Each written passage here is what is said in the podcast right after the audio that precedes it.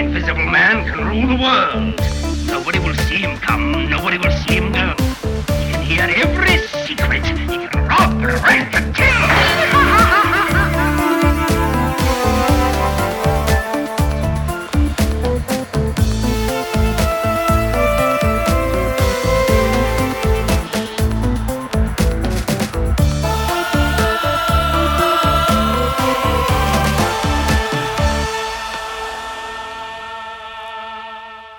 Välkommen till ett nytt avsnitt av skräckfilmspodcasten Vacancy med mig Erik Nyström. Och med mig Magnus Johansson. Jag tänkte börja med en eh, kort eh, återkoppling på ölen jag öppnade och drack i, i föregående avsnitt. Den här eh, Creepy Bunny. Ja. Eh, som jag då påstod inte smakade någonting. Möjligtvis lite syrligt. Att det var som en, en, en sur stout.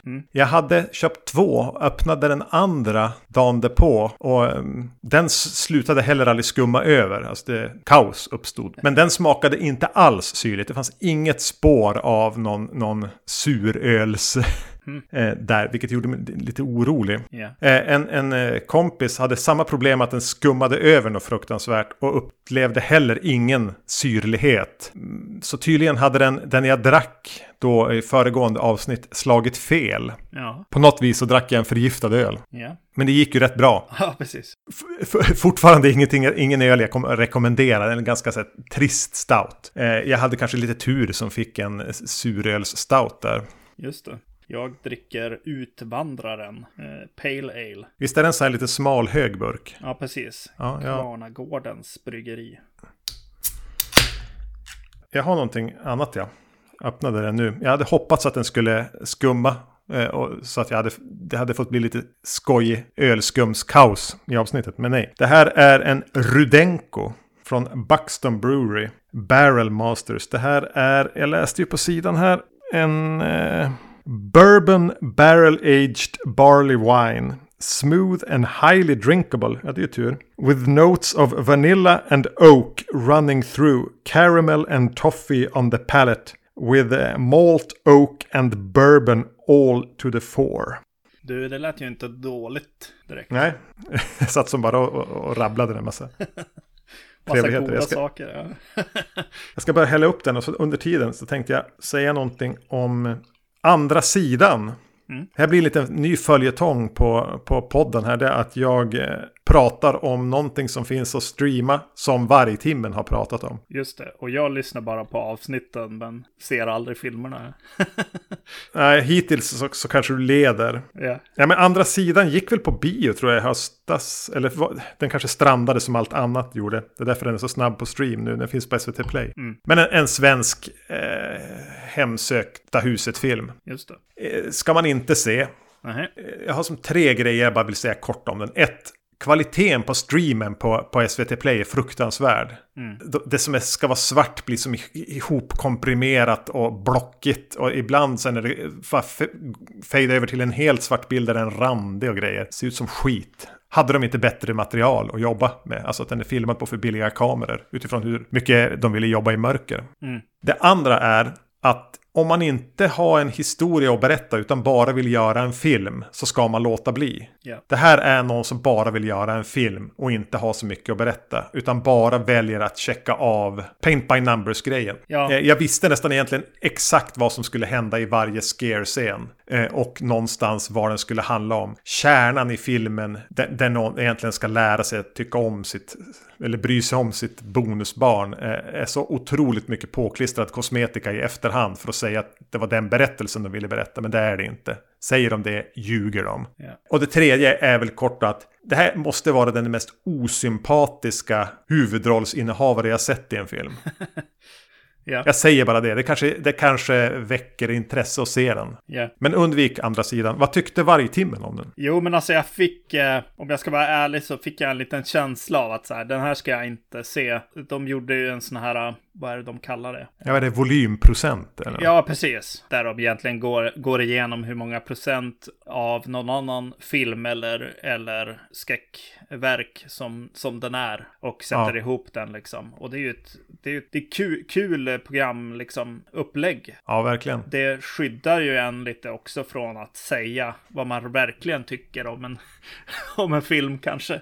Till viss del, när det, när det kommer till liksom kritan. Så det fick, man, fick jag läsa mellan raderna lite grann och eh, förstod nog ganska fort att det skulle vara ungefär som du säger nu. Mm. Ja, när man börjar prata om det här med svenskt skådespel och, och sånt där och hur det kan gå. Så börjar man ju känna att ja, det här kommer inte vara, vara bäst. Nej, lägg då inte tid på den. Se hellre då His House. Mm. Jag ska smaka den här Rudenko nu. Yes. Jättemycket smaker. Det, det är lite, vad heter den, Innocent Gun på steroider. Det var det jag tyckte mig höra. Ja, Jag har fått post idag och eh, jag vet att du har, har, har ibland öppnat post i podden. Eh, Mm. Och jag tycker det är spännande. Jag vet inte om, om lyssnarna tycker det är kul. Men lyssnarna kan, kan, kan dra åt helvete. jag, jag vet inte vad jag har fått för någonting. Vi, vi satt efter en podd och bollade fram och tillbaks med en massa filmer och jag tryckte på beställ, beställ, beställ. Så jag vet inte vad det är i just det här paketet. Verkar det vara en film eller? Det verkar vara en film, ja. Kanske en ganska fin utgåva, eller så är det värderingen som är trevlig här. Jag öppnar den, det kommer att vara ett litet jobbigt ljud här bara.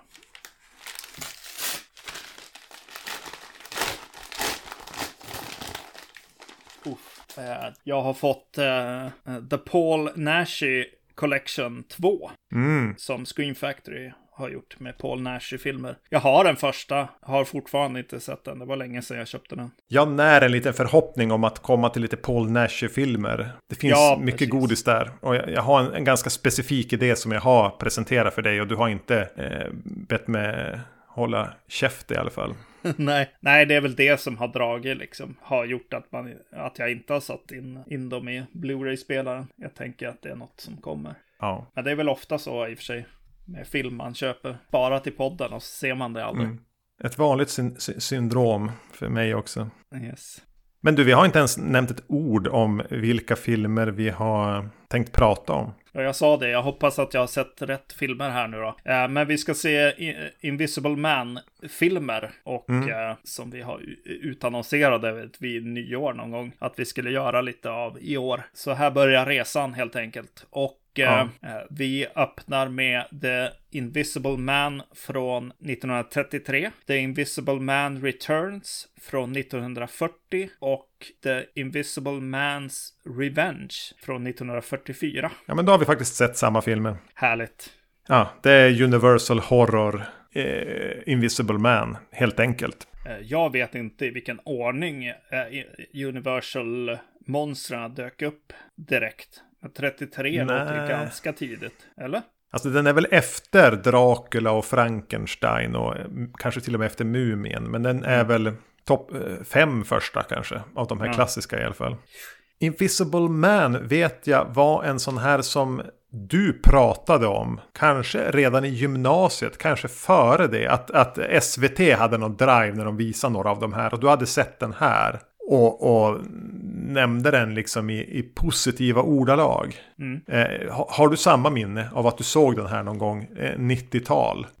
Nej, nej, jag har inte samma minne. Jag, jag minns inte det riktigt, förutom att jag minns eh, scener ur den. Det, det kändes som att jag hade sett mycket från den, så att eh, jag har väl sett den helt enkelt. Ja, ja, det har du. Eller så ljög du för mig där 96. Ja, just det. Den här måste du se. Ja. Jo, nej, men... eh, ja, nej, jag eh, kommer inte ihåg just den titeln. Förutom att jag känner igen mig helt enkelt när jag ser den. Eh, jag har ju sett den här någon gång tidigare. Mindes inte heller så mycket specifikt av vad den skulle handla om. Annat än några, alltså de här klassiska scenerna med linda bort bandagen och, och effekterna såklart. Mm. Och att det är Claude Rains som eh, spelar osynlig. Mm. Grundpremissen handlar väl egentligen om en, en eh, vetenskapsman som gör experiment på sig själv för att bli osynlig lyckas och eh, sakta börjar förlora förståndet. Både av vara osynlig och kanske även i jakten på att hitta ett botemedel och, och få återinträda i världen. Det, det är hans jakt på att bli synlig igen. Det är ju intressant på något sätt mot för en Frankenstein-film till exempel. Där man får följa själva förändringen så att säga. Eller, eller eh, själva experimentet. Så hoppar vi in när den här mannen dyker upp på ett inn eller vad det nu heter. Ett värdshus. Men du, alldeles i början, eh, jag, om det är före eller direkt efter Universal-loggan så tyckte jag det stod NRA. Alltså, och då vet inte jag om det betyder samma sak då som nu med National Rifle Association. ja, ja, eh, men det var ingenting du noterade. Nej, nej. Men som jag upplevde det så var det alltså att, att någonting som heter NRA skulle vara medfinansiärer till den här. Ja. Co-produced by. Ja, ja, skitsamma. Nice. Vi lämnar det. Eh, eh, ja, den är regisserad av James Whale, bör vi väl nämna. Mannen som då även gjorde Frankenstein och eh, Bride of Frankenstein. Mm. Den har ju en cool början, den här filmen. Ja. Lite grann så här man, man, man, kan, man ska börja. Ja, precis. Med, med att en man går i en snöstorm. Eh, dra bort lite snö från en skylt och man får förstå att han är li lite ute på landsbygden. Mm. Och letar sig in på ett, på ett värdshus och han är täckt av bandage. Kanske för att stå emot snöstormen vill man lura sig att tänka, men nej nej. nej. Eh, och kommer in i den här härligt eh, engelska puben. Mm. Det, det, är nice, alltså just den här snygga snölandskapet med det som räcken längs vägen som man går längs eh, är väldigt snyggt liksom. Och så är det ju kul när den här mystiska främlingen kommer in på värdshuset liksom. Det blir någon slags, ja men Dracula-västern-rulle där ett tag känns det ja. nästan som. Nej men det, det, det är coolt och, och vet du, jag försökte hinna med att uh, lyssna på ljudboken av Wells här, H.G. Wells, ja. uh, som ju har skrivit novellen. Men han är inte riktigt igenom den. Men jag kan ju meddela att uh, öppningen här är ju liksom, jag börjar tänka, lyssnar jag på manuset eller lyssnar jag på boken? Är det ordagrant nästan. Ja, nästan alltså. Det är väldigt mycket så här. Och sen så öppnar han dörren till hans rum och, och den smälls igen väldigt hastigt. Alltså det är väldigt så här målande bilder som, som är exakt som i, i filmen här. Så jag gissar på att den kommer fortsätta ungefär så. Kanske att vissa saker börjar, börjar hända. Intressant. Mm. Ja, precis. Jo, men uh, han är ju inlindad här och kommer till värdshuset, uh, är lite brysk liksom och vill ha ett rum och en, ett arbetsrum i princip som han mm. ska göra experiment i. De som har värdshuset är väl där och försöker liksom, ja men först är de ju nyfikna på främlingen liksom, såklart, ja. men de är också ja. väldigt så här, ja men ska hjälpa till och sånt där. och det tycker inte han om. Killing him with kindness, ja. Ja. Han vill ju bara vara i fred och få, få jobba med sina experiment där. Mm. Någonting som när han gick, ja, det här blir väl för hela filmen egentligen, men när han dyker upp så är det ju fr frun i huset, eller vad man ska säga, i det här värdshuset som är typ kvinnan i historien på något sätt. Och då när de går till trappen till vad som kommer att bli hans arbetsrum eh, så sitter det ett gäng kvinnor under trappen och ja, men dricker eller, eller vad, vad man gör. Eh, vad, vad man nu gör på ett värdshus. Ja, och jag blev, jag blev så glad att se det gänget i den här filmen. Jag tror att det kanske var något som kändes som att det saknades i filmen. Kvinnor. Ja, jo, tack. ja, eh, och eh, hon, hon, hon som driver värdshuset tillsammans med sin man gissar jag bara. Jo, jag drog också den slutsatsen. Ja, ja hon är ju hon är ju lite jobbig helt enkelt. Hon är väldigt skrikig och gnällig och melodramatisk hela tiden. Ja. Tänk att den är en liten tidsmarkör. Ja. Hon var förmodligen jätterolig mm. 33. Precis. Och ska väl vara lite comic relief, men hon är ju bara jobbig. Ja. Hon, å andra sidan är hon ganska bra på att vara jobbig. Ja, verkligen. yes. Ja, nej men det, det, det är både, både att hon är jobbig. Men det är också tråkigt att hon måste, att det är det hon ska vara liksom på något sätt här. Det är kanske inget man kan klaga för mycket på 33, jag vet inte. Nej, jag vet inte heller. Men- alltså, kanske ja. i den här typen, alltså i skräckfilmer, då fanns det säkert eh, romcoms och liknande från samma tid som hade bättre, mer nyanserade kvinnoporträtt. Det är klart att det gjorde. Men Mm. hon har ju mer bara en funktion här, än, än att hon är en karaktär. Mm. Om vi går vidare, alltså jag tycker att det är ett, en jäkligt trevlig start som sagt. Eh, och hans experiment där och när de kommer och, och råkar öppna dörren och någon kanske ser in mellan bandagen liksom. Mm. Och ser bara mörker liksom i ögonen och sådär. Eh, jag gillar de scenerna och eh, ja, effekterna är ju väldigt bra där också. Eh, ibland. bara looken på, på han här, när han kommer in och, och som han har, när han har de här ja, men bandage, han har som några så här goggles på sig. Mm. Och, en, och något som visar sig vara en lösnäsa. Eh, men, men den looken är ju så klassisk. Och en hatt neddragen och rocken uppfälld. Det är ju en sån cool look ändå. Mm. Eh, och det är som sagt var en mäktig inledning. Och, sen, sen blev det lite så här förvirrat. Hur länge är han på värdshuset? Ja, tills den grad att de börjar fundera på om man ska betala någon gång och sådär. Ja. Så jag tror att han är där en stund ändå. Men det är svårt För- att veta. för- Det är jättesvårt att veta, men när han sen eh, flyr så är ju snön borta till exempel. Mm. För jag fick som känslan att han kanske är där i två veckor eller någonting. Ja, Men ja, tiden blir lite grumlig. För vi presenteras ju parallellt då med hans, eh, det är hans fästmö. Eh, hans och, och, kollegor, som, andra vetenskapsmän, varav en då är pappa till hans fästmö. ja, Som, var har han tagit vägen? De börjar leta efter han. Är det så att han har försökt göra sig osynlig? Börjar nysta i mysteriet. ja, Eh, och där någonstans tappar jag lite bort hur, hur lång tid som, som går mellan det att han kommer till värdshuset och det att han Mm. eh, blir utkastad. Eh, och, och har den här linda av sig bandaget och visar sig vara osynlig i scenen. Jo, precis. De försöker lite grann med lite, lite dialoger om så här. Har du tänkt att stanna länge? Ja, det kommer jag nog göra. Och det är det som ska få en att, att tänka att det kan ha gått månader eller jag vet inte. När, när du nämner de här kollegorna så måste jag ändå säga att där, när vi kommer till deras hus, vilket är lite konstigt. Jo, men det var väl pappan, pappan, dottern och så är det pappan som har två, alltså assistenter egentligen med kollegor. Underställda. Ja, precis. Som var en, den här uh, Griffin, Jack Griffin som är The Invisible Man, hade en av dem. Eh, Så det kanske inte är så konstigt att de är på samma plats. Men jag hade, hade lite konstigt att, eller svårt att förstå vilka som bor ihop och hur det där funkar. Men eh, å andra sidan så var jag kanske väldigt mer upptagen med huset som de bodde i. För jag gillade verkligen hur det såg ut. Och de här stora fönstren blev ju liksom en, en liten uh, livsgoal. Ah. med, med de stora fönstren med lite taniga träd som uh, utanför som tittar upp. Det är så du ska bo i din, i din, din kokainvilla. exakt, exakt. Men en av de här kollegorna, eller den andra mannen här, Kemp. Mm. Eh, jävla osympatisk karaktär. Mm. Visst är det så att eh, dottern då här, spelad av Gloria Stewart, alltså tanten i Titanic. Mm. Eh, hon är förlovad med Griffin här som är The Invisible Man. Eh, men när han har varit borta ett tag och de börjar fundera på det. Då tycker Kemp här att det är bra att passa på att göra sitt move. Mm. Så han gör något så extremt fumligt försök att förklara att han ju faktiskt också vill ha henne. Ja, Eh, ja.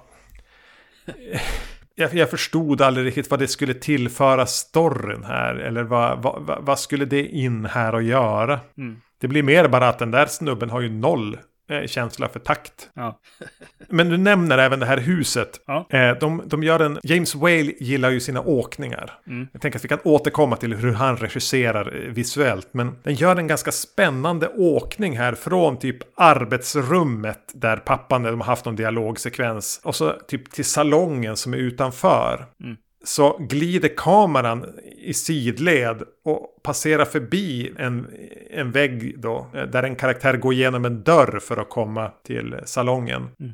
Men de har som inte gjort det så att eh, försökt skapa en illusion av att den åker igenom den väggen eller någonting. Utan det är ganska tydligt att den där väggbiten där dörren är som bara en liten väggstump. Han hade lika gärna kunnat gå en halv meter vid sidan av den för där är det öppet för, för kameran att åka förbi.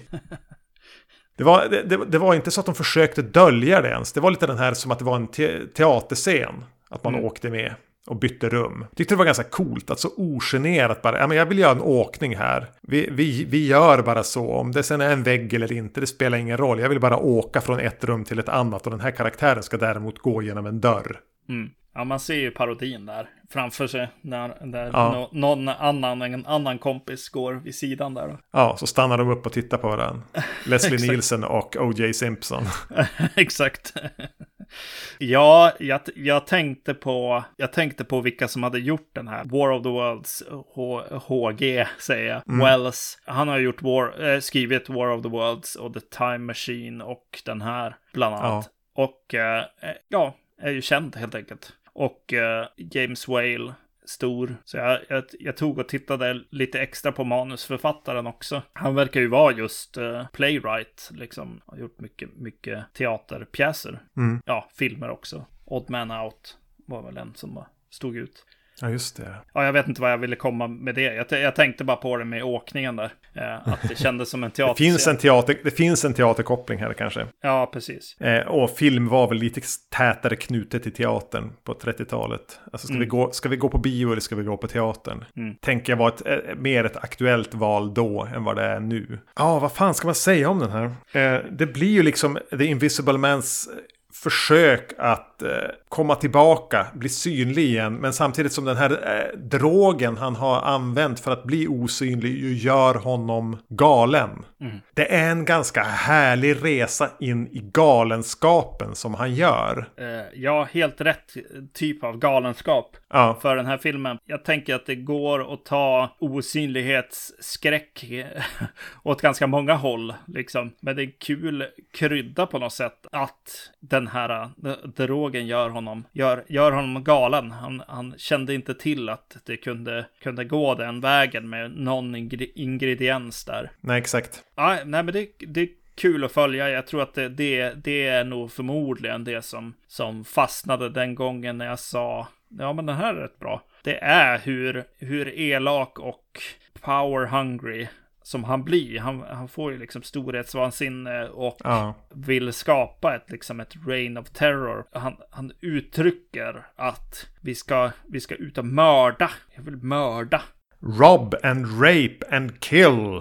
Ja, Han, han, eh, alltså han blir... Ja, och det, det finns ett genuint mörker i, i hans ondska som på något sätt bara är hur han vrids sönder av det här giftet han har i sin kropp. Mm. Eh, Och det är ju det, som du säger, jag förstår att det är det som fastnade då. Och det är ju det, nästan det, det och de här väldigt coola effekterna som hänger kvar. Mm. Och hur bra Claude Rains ändå är. Han får synas några sekunder i slutet av filmen. Mm. Spoiler. Men i övrigt så, så går han ju runt i bandage eller, eller dold av effekterna. Och är ju fantastisk på det.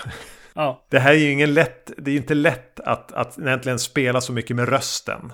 Och gester, när man får inte använda ansiktet eller ögonen någonting. nej. Men och få ha det här lite galna kacklande skrattet. Som jag säger gränsfall till att vara inne i parodin där igen. Men å andra sidan finns det här jävla ondskefulla mörkret i karaktären som gör att det blir mer bara otäckt. Mm. Jo, man vill ju, man, man vill ju ännu mer in dit, tänker jag, med karaktären. Mm. Och vi, vi, vi får väl se hur, hur senare filmer klarar, klarar det eh, nu under året när vi ska se lite osynliga män eh, på duken. Se eh, vart det tar vägen. Ja. Ja, nej, jag, tycker, jag, jag tycker om det. Det är roligt alltså att, att hur, hur galet det blir och hur det blir mest. Ja, han vill liksom mörda. Han får, Ja. han får liksom tåg att spåra ur till slut liksom. Bara för att han vill att andra ska dö och lida. Ja, Mm. Men effekterna ändå. Jag vill ändå stanna upp där. För jag tycker ju att de i princip håller fortfarande. Mm. Hur fan gjorde de det här? Ja, exakt. Jo, man tänker det.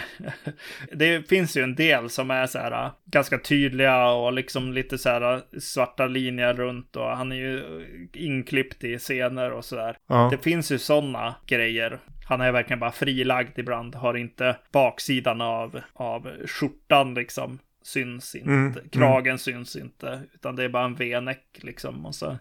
så det finns lite sådana grejer. Men samtidigt finns det skithäftiga grejer med hur han tar, tar av sig bandagen och Ja, framförallt en när de tittar rakt in i bandagen en gång. Som Ja. jag tyckte var väldigt häftigt och obehagligt. My- mycket, mycket olika tekniker och det är kul att se liksom. Även så bara, "Åh, ja men där är det nog bara, bara en docka eller här är det bara Ja. en, här är det det och här är det det liksom. De, de utnyttjar varje, varje sätt de kan liksom. Och eh, Ja. det är ju väldigt kul att se eh, de här osynlighetseffekterna där liksom dörrar öppnas och några lindor bärs genom en korridor och sådär. Jag tycker då att de är jättemysiga. Ja, verkligen.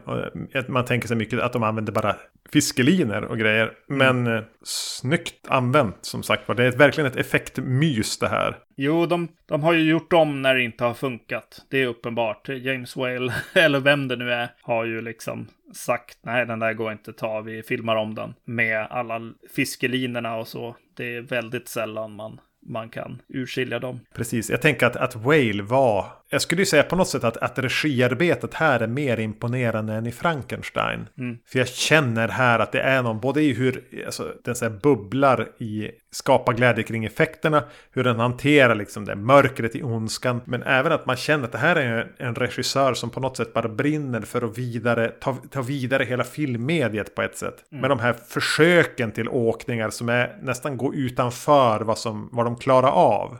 Eh, och även de- de närmar sig, han är i, ett hus och de har som slagit en ring runt huset och närmar sig. Så då vill som James Whale upp med kameran och filma både hus och poliser som går mot det uppifrån. Ja. Och man märker att det, det blir korta, korta klipp. Jag vet inte vad det är som har gjort att de är så korta. Men att han verkligen bara vill göra det större.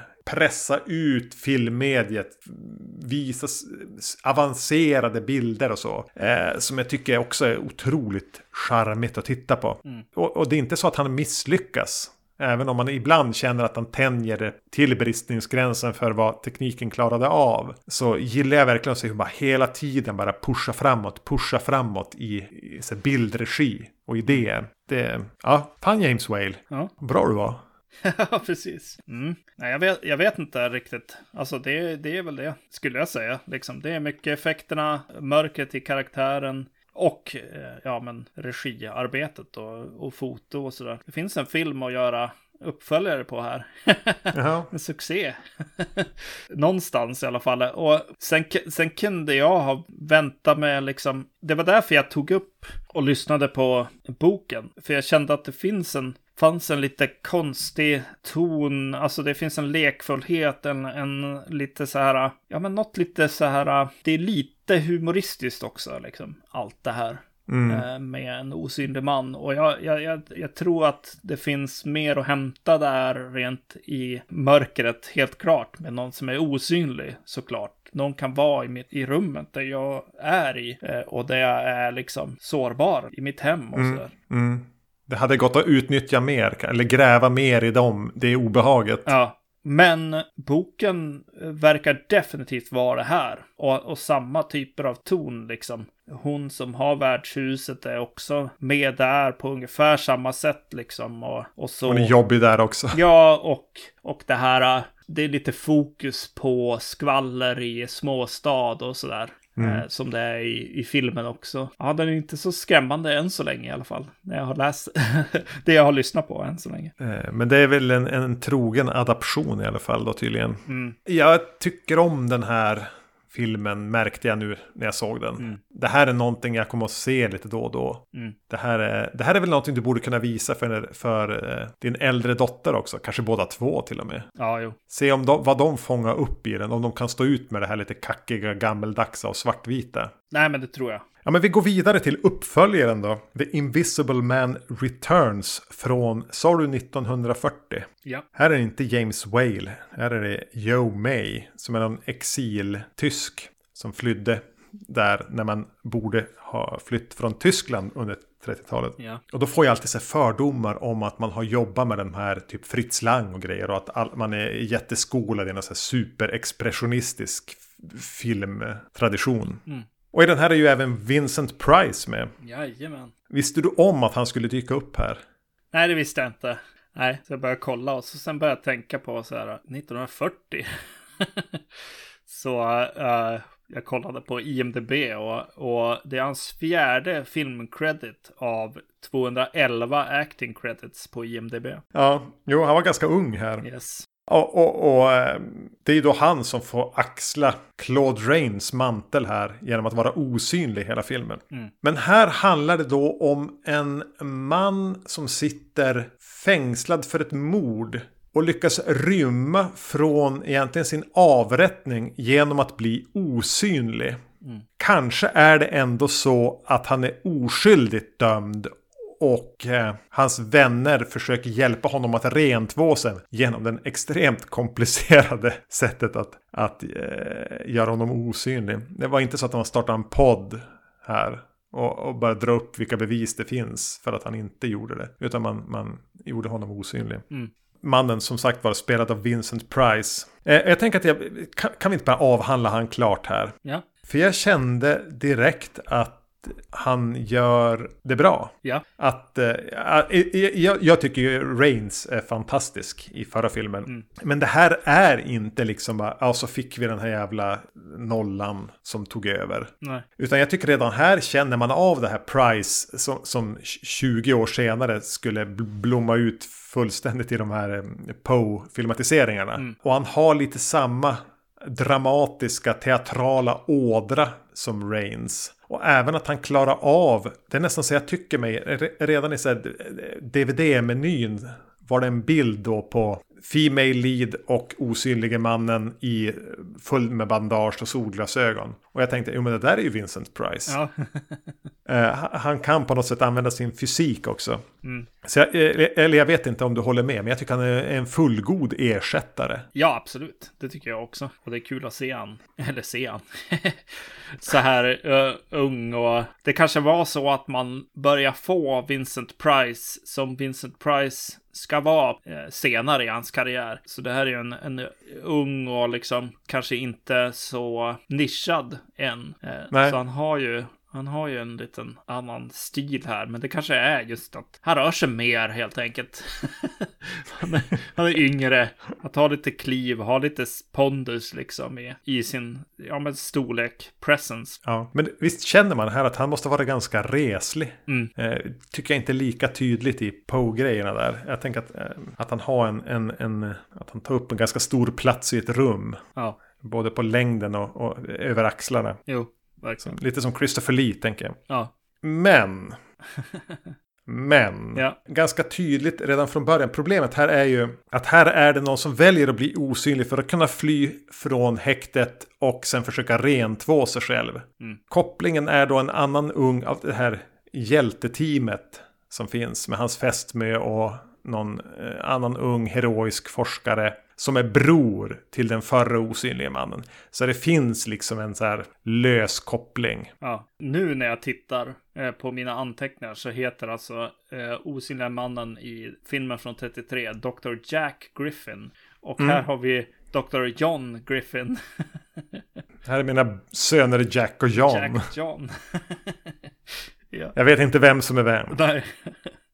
Så, så, så det är ju så en vag koppling. Mm. Men här, det som finns kvar från den eh, första filmen är ju att den här drogen gör en sakta vansinnig. Men här vet de om det, så här blir det liten kamp mot klockan. Mm. Vi måste rentvå Price, hitta botemedlet innan han blir sådär Claude Rains galen med ett kacklande skratt, st- stryper folk och spårar ur tåg och grejer. Mm. Eh, så, så de använder ju lite lore från den. Men det blir ganska tillrättalagt. Eh, lite mer så här. Den förra hade ju en ond energi. Ja, Här finns det ingen ond energi. Nej det gör det inte. Det här är väldigt tillrättalagt. Det är lite enkelt thriller. Och den har ett ganska stort problem med att den här intrigen. Som handlar om typ maktkamp i gruvindustrin. Ja. Så Dallas på hög nivå. Mm. Är jättetråkig. Jätte, jättetråkig. Ja, precis. Jo, mina, mina notes, alltså jag har lite panik här med att komma ihåg den. Men framförallt så står det i princip bara, det känns inte så intressant. Och det, det är typ det. Eh, Det är inte så mycket att bry sig om och eh, det är lite för enkelt tror jag kanske. Och när han, när han möter sin fästmö och det är lite så här, hur ska det gå? Hur ska jag inte bli galen? Ja. Det känns lite, lite platt. Så det man kan fokusera på är ju igen foto på ansikten. Eh, jag tycker att hon är väldigt vackert eh, fotad, den här eh, kvinnan. Sen är det specialeffekterna som man får liksom njuta åt och se hur, hur långt de har tagit den nu, liksom. Hur långt de har kommit, liksom. Ja, ja, ja, men exakt. Den är fortfarande liksom väldigt habil i hantverket. Det här är någon som kan snickra ihop en film som ser bra ut, som har en framåtrörelse. Storyn är stentråkig, utan man får fokusera på, på hantverk här. Mm. För mig så är det två stora effekter som händer i, i en, eh, som en jaktscen i ett hus där det är en polis som har kommit på att gå omkring och, och blåsa cigarrök lite här och där. Ja. Det är en väldigt subtil effekt och exakt rätt längd på klippet liksom för att göra det eh, häftigt. Och eh, sen finns det en till då när de rökfyller en korridor där den osynliga mannen kommer in från en dörr och drar in en person in genom den. Eh, Den effekten var, var liksom kul. Ja, alltså den, den här fick, nu vet jag inte vad man sätter för värde vid det, det är väl upp till var och en, men, men den blev ju Oscars nominerad för specialeffekter. Och, äh, välförtjänt antar jag, jag har ingen koll. På året? Men nej, det- nej. Nej. men, men det är helvetiskt bra effekter. Även när, när den osynliga mannen blir synlig igen. Ja. Är ju snyggt. Och, och framförallt och kanske ändå, ändå inte nödvändigtvis sett genom att den är från 40. Man behöver inte förflytta sig själv till 1940 och tänka det är snyggt för den tiden. Utan det, är, det håller ändå på något vis. Ja, sen, ja, jag tror att som, som du sa lite, intrigen. Eh, det, det finns för lite sidoplots på något sätt här. Så till exempel så blir det en väldigt lång scen när, när den här lång, någon lång kar i mustasch blir liksom jagad i skogen. Mm, mm. Jag fick känsla, jag, jag kände bara, ja men döda han då. Kom igen, döda han already. det var verkligen filler. Ja, visst är det den scenen ändå när, han, när kameran så kastas eh, hit och dit och letar efter Ja, det är coolt, ja just det. Ja, jag var inte beredd på det från en film som är så gammal att, att liksom helt plötsligt så börjar... Det är nästan som att kameramannen blir, blir förskräckt. Ja, Och börjar göra så här whip pans, alltså överallt och leta efter någon i skogen där. Det tyckte jag var coolt. ja verkligen. Eh, den här mannen som är där med mustasch, som du kallar honom för. Han är väl lite någon eh, hantlangare längre ner i hierarkin här i, i gruvindustrin. Alltså, vem fa- ja. Eh, men det är ju Alan Napier. Och då säger du aha. Ja, jag, för, Du menar- för att verka insatt. Ja, han, han som vi pratade om i The Uninvited. Och som vi då konstaterade på 60-talet spelade Batmans eh, butler i den 60-talsserien. ja, Så han var igång redan här. just det. Och spelar den här lite, nästan en karaktär som sticker ut mest. Han är ju någon form av bad guy. Men han ser lite, menar, lite lång och lite ovårdad. Och inte som att han har klivit direkt från någon så här Shakespeare eh, recital. Mm. Som de, många här gör. Jag tycker, ja men det är väl bra skådisar. Men han sticker ut lite grann. Mm. Men det är Alan Napier i alla fall. Här blir det så här. Famlar efter, efter saker att prata om den här. Ja, precis. Jo, jag läser nu en av mina, mina notes här. och jag, jag tror att jag började tänka mest på att, vad det, ja men Invisible Man liksom, det är en naken mördare som springer runt. Och då började jag, började jag längta tillbaks till att se 10 to Midnight eh, med Charles Bronson igen. så så om, om ni ska se en naken mördare-film så, så rekommenderar jag den över den här. En naken Vincent Price ändå. Yes. Ja. Tänkte du på att de återanvände skådisen från första filmen? Alltså han som då var gift med hon som vi så tyckte var så jobbig i första filmen. Han är ju med här också. Och är den som gömmer eh, osynliga mannen och hans fästmö i huset. Just det. Det är samma skådis. Ja, okej. Ehm, skulle kunna vara samma karaktär. Ja, Vem vet? Sådana detaljer är jag inne på och, och så försöker få grepp om.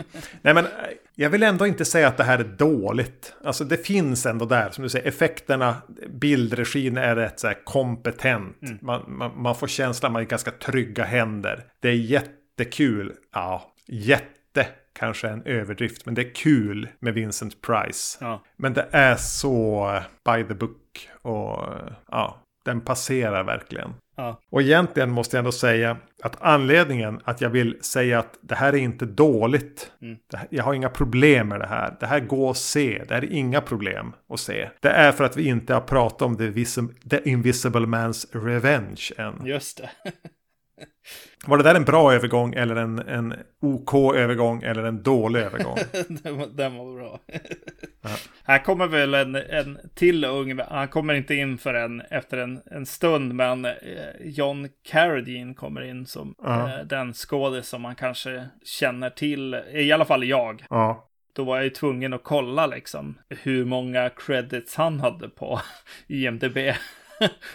Vi, han har fler än Price kanske. Uh, japp, Price vadå, hade 211 Ja, actor credits och eh, John Carradine har 354. ja grattis. Grattis. ja. Carradine. Helvete. Ja. Ja, Invisible Man's Revenge från... Ja, ja, ja, eh, ja, precis. Från 44. Eh, Och eh, jag måste bara fråga här, vart är vi nu? Nu hoppar vi två filmer va? ja vi, vi hoppar över två filmer som finns i den här boxen i alla fall. Mm. The Invisible Woman och Invisible Agent. Just det. Eh, varav någon ska vara mer en, en, en, romcom och någon mer en spionfilm. Ni får själv lista ut vilken som är vilken. Och jag får... Utan vi valde, att- vi valde att försöka fokusera på de som rör sig mer inom skräck. Mm. Men huvudrollsinnehavaren här, John Hall, Mm. är tydligen med i Invisible Agent och är osynlig då också. Men de har i övrigt ingen koppling. Man får en känsla av det. Det, det, det finns en, en liten sån här uh, James Bond, uh, liksom, this never happened to the other guy, kommentar som han har. Han pratar om, i början så är det någon som ifrågasätter honom eller för, frågar lite för mycket frågor och han tycker han känner sig spionerad på och det är han less på, säger han. Ah. Så det, det, det finns någon slags så här, uh, nu lämnar vi det bakom oss kanske. Jag vet inte om den gick så bra eller. Jag tänker så här att om ni, eh, kära lyssnare, vill höra oss prata om The Invisible Woman och The Invisible Agent, då får ni starta en så här crowdfunding kring det. yes. Om ni kan få ihop tusen kronor, lyckas ni crowd, crowd, crowdfunda det, då, då gör vi ett avsnitt. Yes. Men det, vi ska, då, ska, då ska vi fan ha tusen spänn för det. ja. Eh, utan vi valde att hoppa till den här skräckfilmen, Mm. ish. Alltså namnet på regissören. Ford BB. Ja. Varför heter jag det jag heter? Varför heter inte jag Ford BB? Just. Eh, även, alltså, kanske en av de största no-names vi nämnt här. Förutom att hans namn är fantastiskt så är det ju ingen som jag någonsin har hört talas om eller tänker ens är en regissör. Jag vet inte riktigt. Nej, jag undrar om det inte stod eh, liksom producerad och regisserad av. Ja, det var det som fick mig att tänka att det här är typ så här directed by Harvey Weinstein. Ja, någon, någon, någon blev arg, sprang iväg. och så bara, ja men jag kan göra det själv. Det är inte så jävla svårt. Jag har en kameraman som vet hur man fotar. Precis. Ja men storyn är en man som återvänder till, vi är fortfarande i England här va? Mm. London, ja.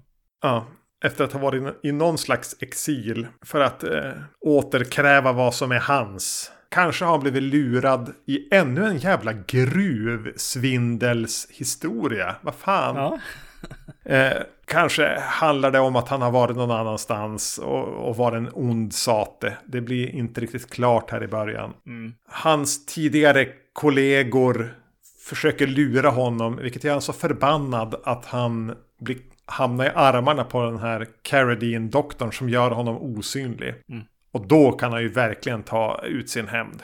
ja. Ofta har vi använt oss av begreppet det här känns som tv. Ja. Men det är nog första gången när det handlar om en svartvit 4.3-film från 40-talet som jag har tänkt, fan vad det här känns som tv. Mm. Jag, jag var till och med där i början av filmen, när han har kommit tillbaka till London, han skär sig ut ur en jävla packlår. Det är lite coolt. Det måste vi ge ja. Han är hos den här skräddaren och är ganska trevlig. Mm. Eh, och går vidare, byter kläder. Och skräddaren hittar den här tidningsartikeln som han har klippt ut om sig själv. Där det står att någon har typ dödat en sköterska och några till på en psychiatric ward och rymt. Ja. Det här handlar ju om mig. Jag klipper ut den. Har den det enda jag har i min kavajficka. Och sen ger jag bort den kavajen när jag köper min nya outfit. Ja. Ja, han kommer till sina tidigare kompanjoner som på något sätt lurar honom. Alltså som inte vill kännas vid att han ens är vid liv. Nej. För de har dragit nytta av att han är död. Mm. Och kastas liksom ut. Och då stöter han på en så här försupen, glad, så här, ser lite ut som en åldrad brittisk Jonas Gardell. Mm. Som han blir lite kompis med, som, som tar sig an han. Han drar upp han är inom vatten och vad det är. Mm. Och sen snubblar han även på den här Carradine-doktorn som vill göra experiment som gör honom osynlig. Och jag tänkte bara, men här har vi liksom paletten för en, så här, e- alltså en tv-serie. Mm. Han, han, han, han har eh, vetenskapsmannen, han är, blir osynlig och han har lite det här Zorro-utseendet. Ja. Som vi såg på Disney-dags när vi var små. Mm. Det svartvita Zorro. Eh, och han har den här lite suput Jonas Gardell-kompisen. Och så ska han ha hämnd på de här rika som har tagit ifrån honom det han, vad som är rättmätigen hans. Mm. Kanske finns det en kvinna där också som man kan, som borde ha varit hans. Ja, men det här är ju ett par säsonger. Ja. Och så är han osynlig då och då och sådär. Jag försökte som bara, ja men, är det här en tv-serie jag vill se? Nej, men är det en tv-serie jag kan tänka mig fanns? Ja. Ja, de har väl försökt ett par gånger tror jag med eh, Invisible Man eh, tv-serier och eh, ja, men alltså. Ja, det finns på Am Amazon Prime, finns det några avsnitt av någon sån här 50-talsserie? Mm, alltså det finns ju absolut så, så finns det ju stoff för det liksom någon Hulken-liknande grej liksom någon, någon resande Mm. eh, person som som gör saker osynligt och just kommer undan liksom i slutet men måste lösa det här fallet eller bli synlig igen eller vad det nu är som är overarching. Men eh, ja, Och när jag var i det tänkte jag bara, ja, vi ser det som en pilot då. Mm. Men nej, alltså det gick ju inte. Nej. Det är så synd. De första bilderna, eh, det är ju när han kommer i den här lådan Ja, till London. Just innan vi får se själva lådan så är det lite bilder på, på skeppen och kajen och, ja och just sådär. det. Alltså, dimma, London-dimman, svartvitt. Ja. De, är snygga. De är väldigt snygga och eh, lite så här gritty, repig. Alltså, eh, de, har, Ja. de, har, de är mer grovkorniga än vad filmen sen blir. Eh, så jag fick en så här känsla av att bara, ja men nu blir det, nu kommer det bli lite mörkt och, och härligt här på något sätt. Nu är det Texas Chainsaw Massacre här. Precis, och The Invisible Man's Revenge. Så, så jag var väldigt psyched där i de tio sekunderna eller vad det nu var som de där bilderna kom.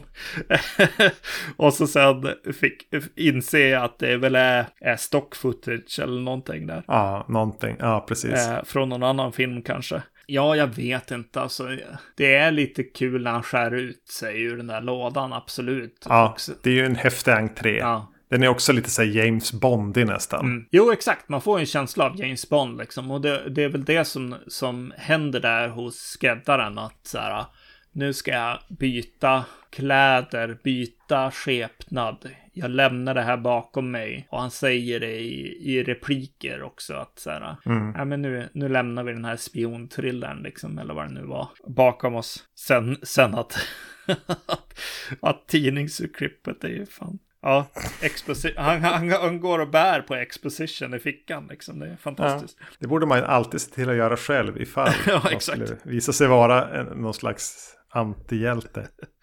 För det jag tycker blir problemet är ju att jag hade ju då velat följa med på hans, att han ska få sin revansch. Han har blivit blåst. Mm.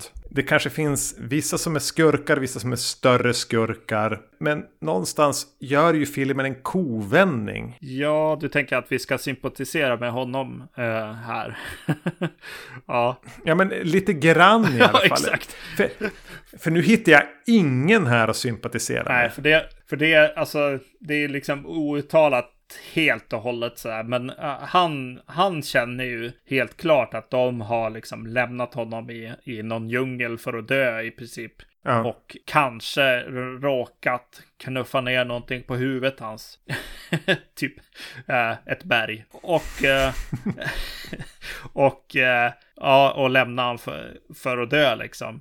Eh, men eh, ja, vi är inte helt säkra på det heller. Fast jo, för kvinnan i det paret, alltså drogar ju honom det första hon gör. Ja. Och de slänger ut honom liksom. Så det är ju definitivt några som vill behålla hela kakan för sig själv. Och eh, riva sönder eh, det kontrakt de har liksom. Ja. Men det blir ju en vändning där ja. Det blir ju han som är eh, psykot där ute liksom. Och då har jag ju ingen att heja på här. Ja, det skulle vara den här suputen. Mm. Men han är ju helt... Han, filmen hade ju fungerat minst lika dåligt eller bra utan den karaktären. Hunden eh, var väl egentligen min favoritkaraktär. Ja, och kanske för mig att när John Carradine öppnar sin dörr. Han bankar ju bara på en dörr liksom.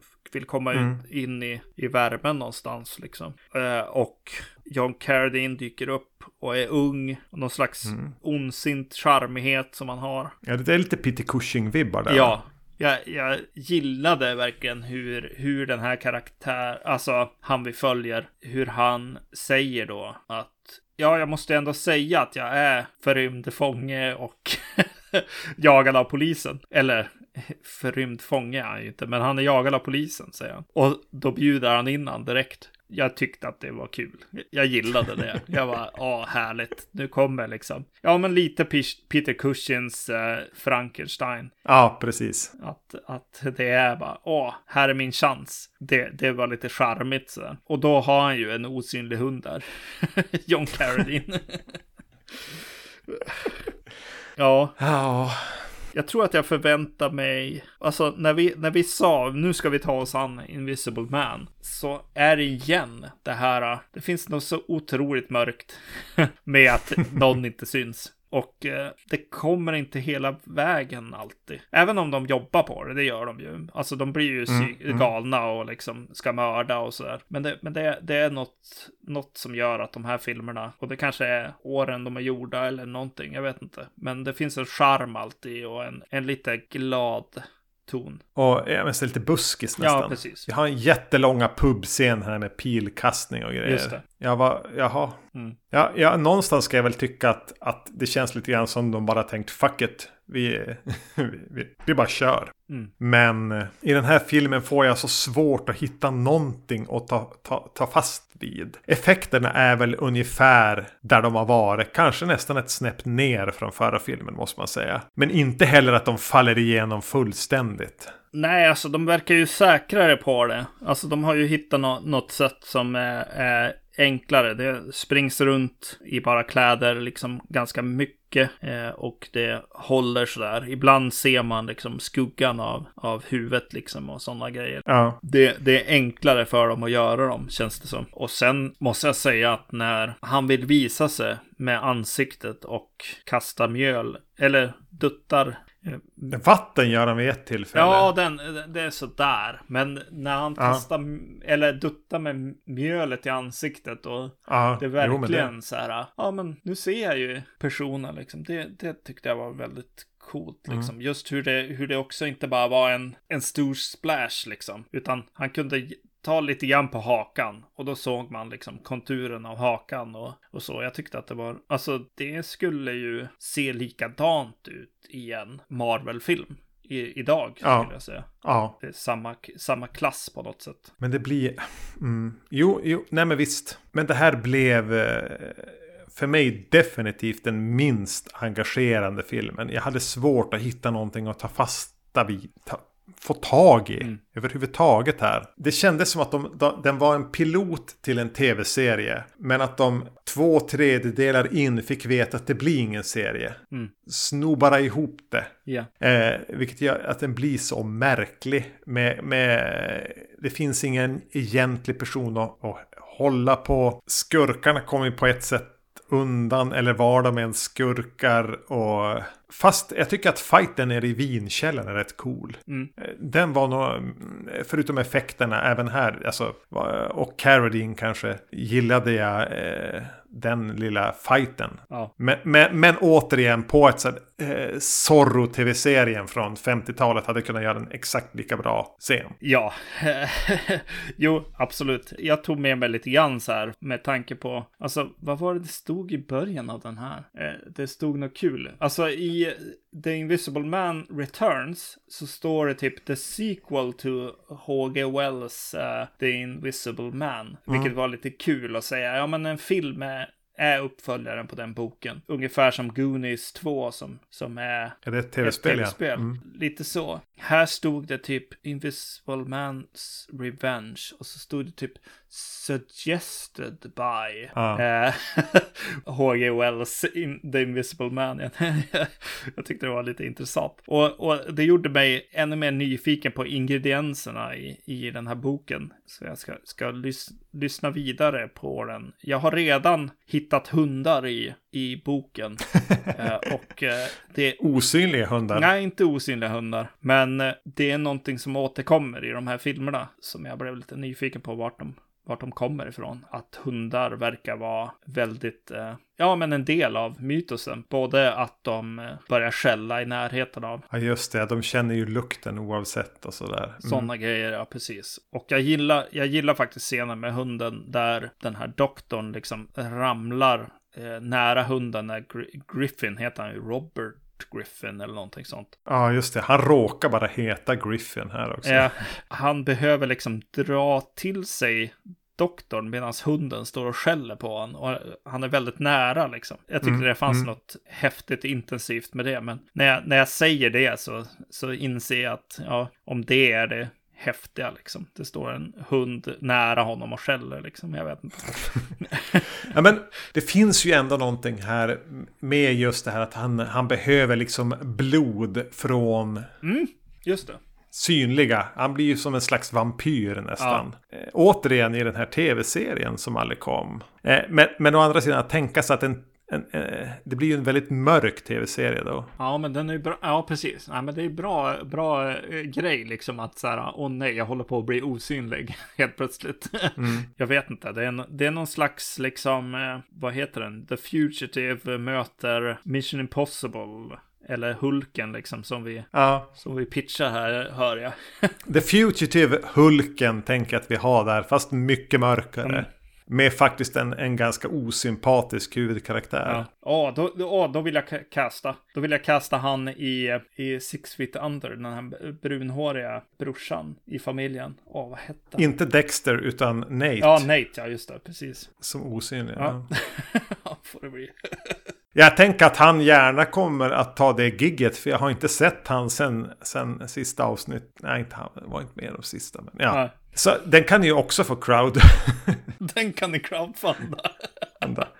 Vi kommer inte göra det än. Men det är så här, vad heter det? Man brukar sätta upp så här mål och så är det så här reach. Alltså att Ja, just man det. går Stretch bortom. goal, eller vad det heter. Ja. Stretch Då gör goal, vi en precis. tv-serie på ett Invisible Man med Nate i huvudrollen. Och vad är, vad är vårat reach? Alltså det är stretch. Vad sa du? Stretch goal. Ja, vad kan, Om vad kan tusen kronor då gör vi avsnittet med Invisible Woman och Invisible Agent. Vad ska vara vårat? Vad, vad ska vara 10 miljoner? miljoner, ja. 10 miljoner. Då, då, vi då kommer vi att försöka. Då gör vi serien. Ja. Det kan vara jag och Magnus och den här Face Swap-appen. Men ja, ni får sätt, lyssnare får sätta upp den här crowd-grejen också. Jag, jag kommer inte att göra det. Ehm, men ja, jag tänker att vi har satt paletten här för det här med osynlige mannen som vi något slags tema under året. Framförallt med första filmen. Jag tyckte ändå det var skoj att se de här uppföljarna. De passerar ju förbi en ganska snabbt, det är ju inga långa filmer. Tyvärr är väl första filmen kortast och de andra blir typ längre och längre. Men eh, jag blev förtjust i första. Jag tycker andra är gå, väldigt bra att se. Tredje kan man verkligen hoppa.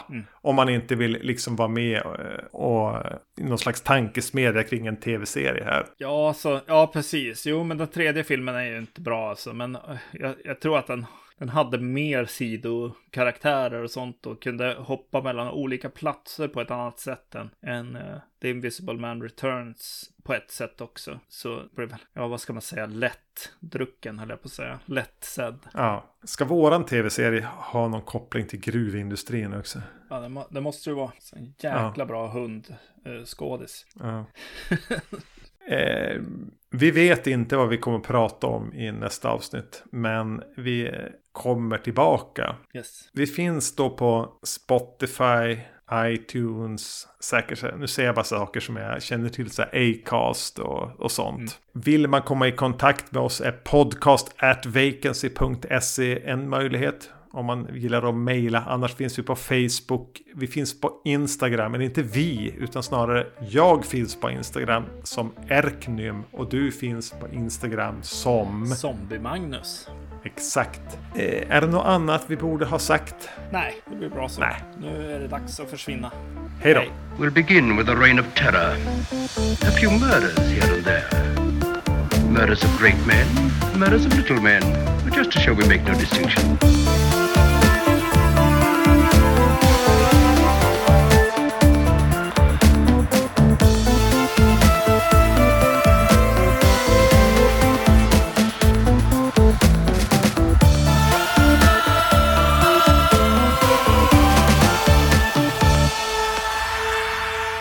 Jag har inget puffskydd nu slår det mig precis. Mm.